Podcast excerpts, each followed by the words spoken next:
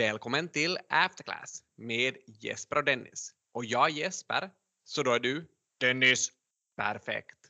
negativt på aktiemarknaden. Det var en svart måndag denna vecka också. Vart är vi på väg? Så visst var det så att vi gick ner dryga 2 på Helsingforsbörsen.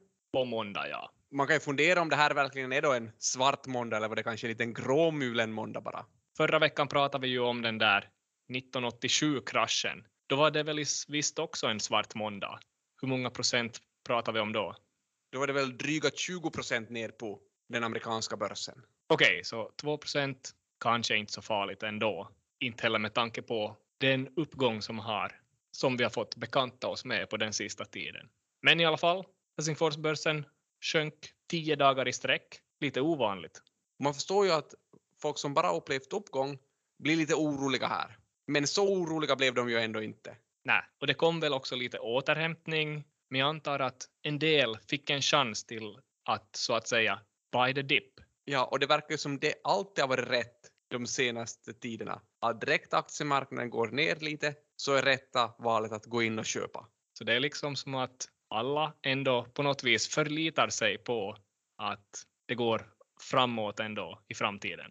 Man litar väl på den här Feds put, alltså att centralbankerna då, den amerikanska Fed och den europeiska ECB skulle börja stödköpa ännu mera ifall det började bli dålig rullning på hju- ekonomins hjul. Jag läste nyligen en färsk studie i den där JFE-tidningen, Journal of Financial Economics av bland annat professorn Alex Edmans och medförfattare.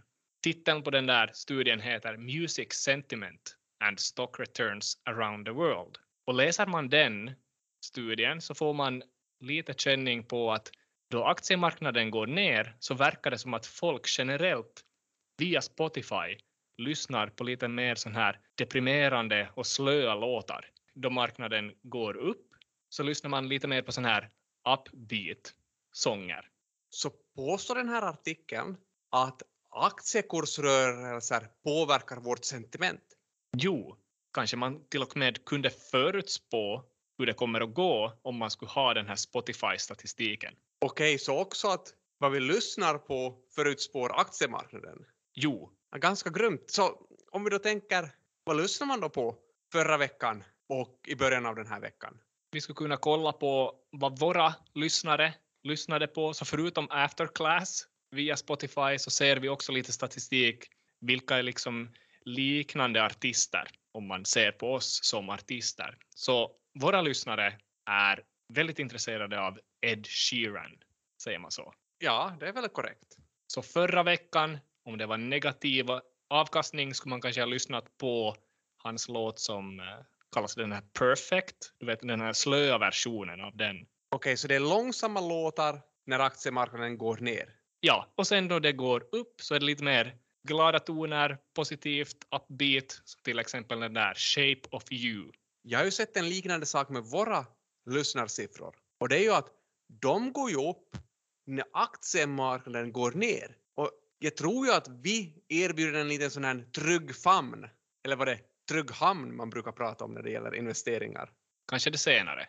Bland eh, lyssnarnas favoritartister, det kan ju komma av att vi nämnde den här artistens namn för någon vecka sedan, Captain Jack. Det är ju en sån här 90-talsartist, så han har en hitlåt som heter Together Forever. Och tillsammans kan man ju säga då att vi är med lyssnarna då det stormar på börsen. Vi sitter i samma båt. Ja, för när det stormar på börsen så man vill ju hitta någon typ av trygg hamn eller något ställe där man kan sätta sitt kapital och sitta säker. Men det konstiga är ju, eller inte vet jag om det är konstigt, men det är helt enkelt så att när börsen faller så verkar det som att alla tillgångsklasser faller tillsammans. Någon gång hör man ju folk säga att guld skulle vara en sån här lite säkrare tillgångsklass. Ja, men tittar man på guldpriset i måndags till exempel så gick det också ner en halv procent. Hur är det med krypto då? Kryptovalutor? Där hör man ju samma argument att kryptovalutor kan kanske vara en sån här trygg hamn. Speciellt på helgerna då inte vanliga marknader är öppna. Ja, kan, kanske det. Men också det föll i måndags med en dryga 8 procent. Så det fanns ingenstans som investerarna kunde gömma sig. Men i El Salvador Där sprang man på gatorna och köpte krypto under dippen, förstod jag. Ja, där var väl till och med presidenten inte ute på gatorna men ute på Twitter och sa att vi som land köper dippen. Så hur mycket bitcoin har man nu? Läste det är 700 bitcoin som landet El Salvador äger och det är efter att de ökade på sitt bitcoin-innehav med 150 bitcoin nu under den här senaste kryptodippen. Vi har väl nog nämnt det här i podden men El Salvador är alltså det första landet som har börjat acceptera bitcoin som betalningsmedel eller som valuta. Ja, det är lite intressant. Och det är klart att bitcoin har ju förstås absolut sina, sina brister och ingenting perfekt. Och det tar väl väldigt länge att flytta kapital också på den här blockkedjan. Men om man tänker vad, vad alternativen är för ett land som El Salvador, där en stor del av befolkningen tar emot betalningar från utlandet så är det faktiskt så att bitcoin är en ganska kostnadseffektiv lösning. För att alternativet är ju kanske någon sån där Western Union, en sån här expert på sån här internationella penningöverförelser. Och de är väl inte så billiga. Nej, de tar ju hutlösa transaktionsavgifter för att flytta pengar från till exempel USA till El Salvador. Och jag såg också några estimat där man sa att just de här Western Union och liknande företag som i princip då flyttar pengar mellan olika länder så kommer att förlora ungefär 400 miljoner dollar på att El Salvador nu har introducerat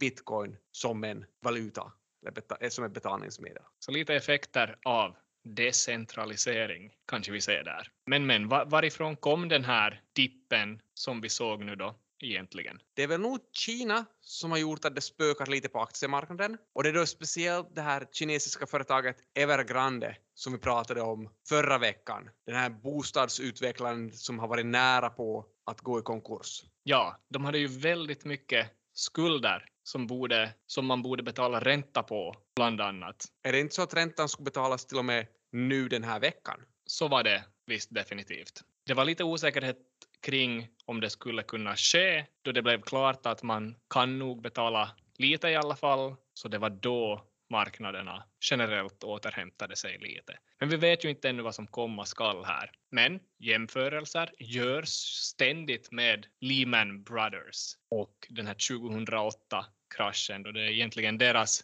konkursansökan som man kan säga startade en finansiell kris även om det hade legat och tjudit lite där i bakgrunden en stund. Nu pratar man kanske då istället om Li Ming Brothers. Och det kommer då från? Ja, så alltså det finns några i, i det här Evergrande-bolaget som har namnet Li Ming. Li Ming är förvisso ett ganska populärt namn i, i ett land med 1,4 miljarder invånare, men, men, men kanske man skulle börja prata om Li Ming Brothers. Skulle inte vara passligt. Det finns också en spelare i bolagets fotbollslag för några år sedan som hette Li Ming.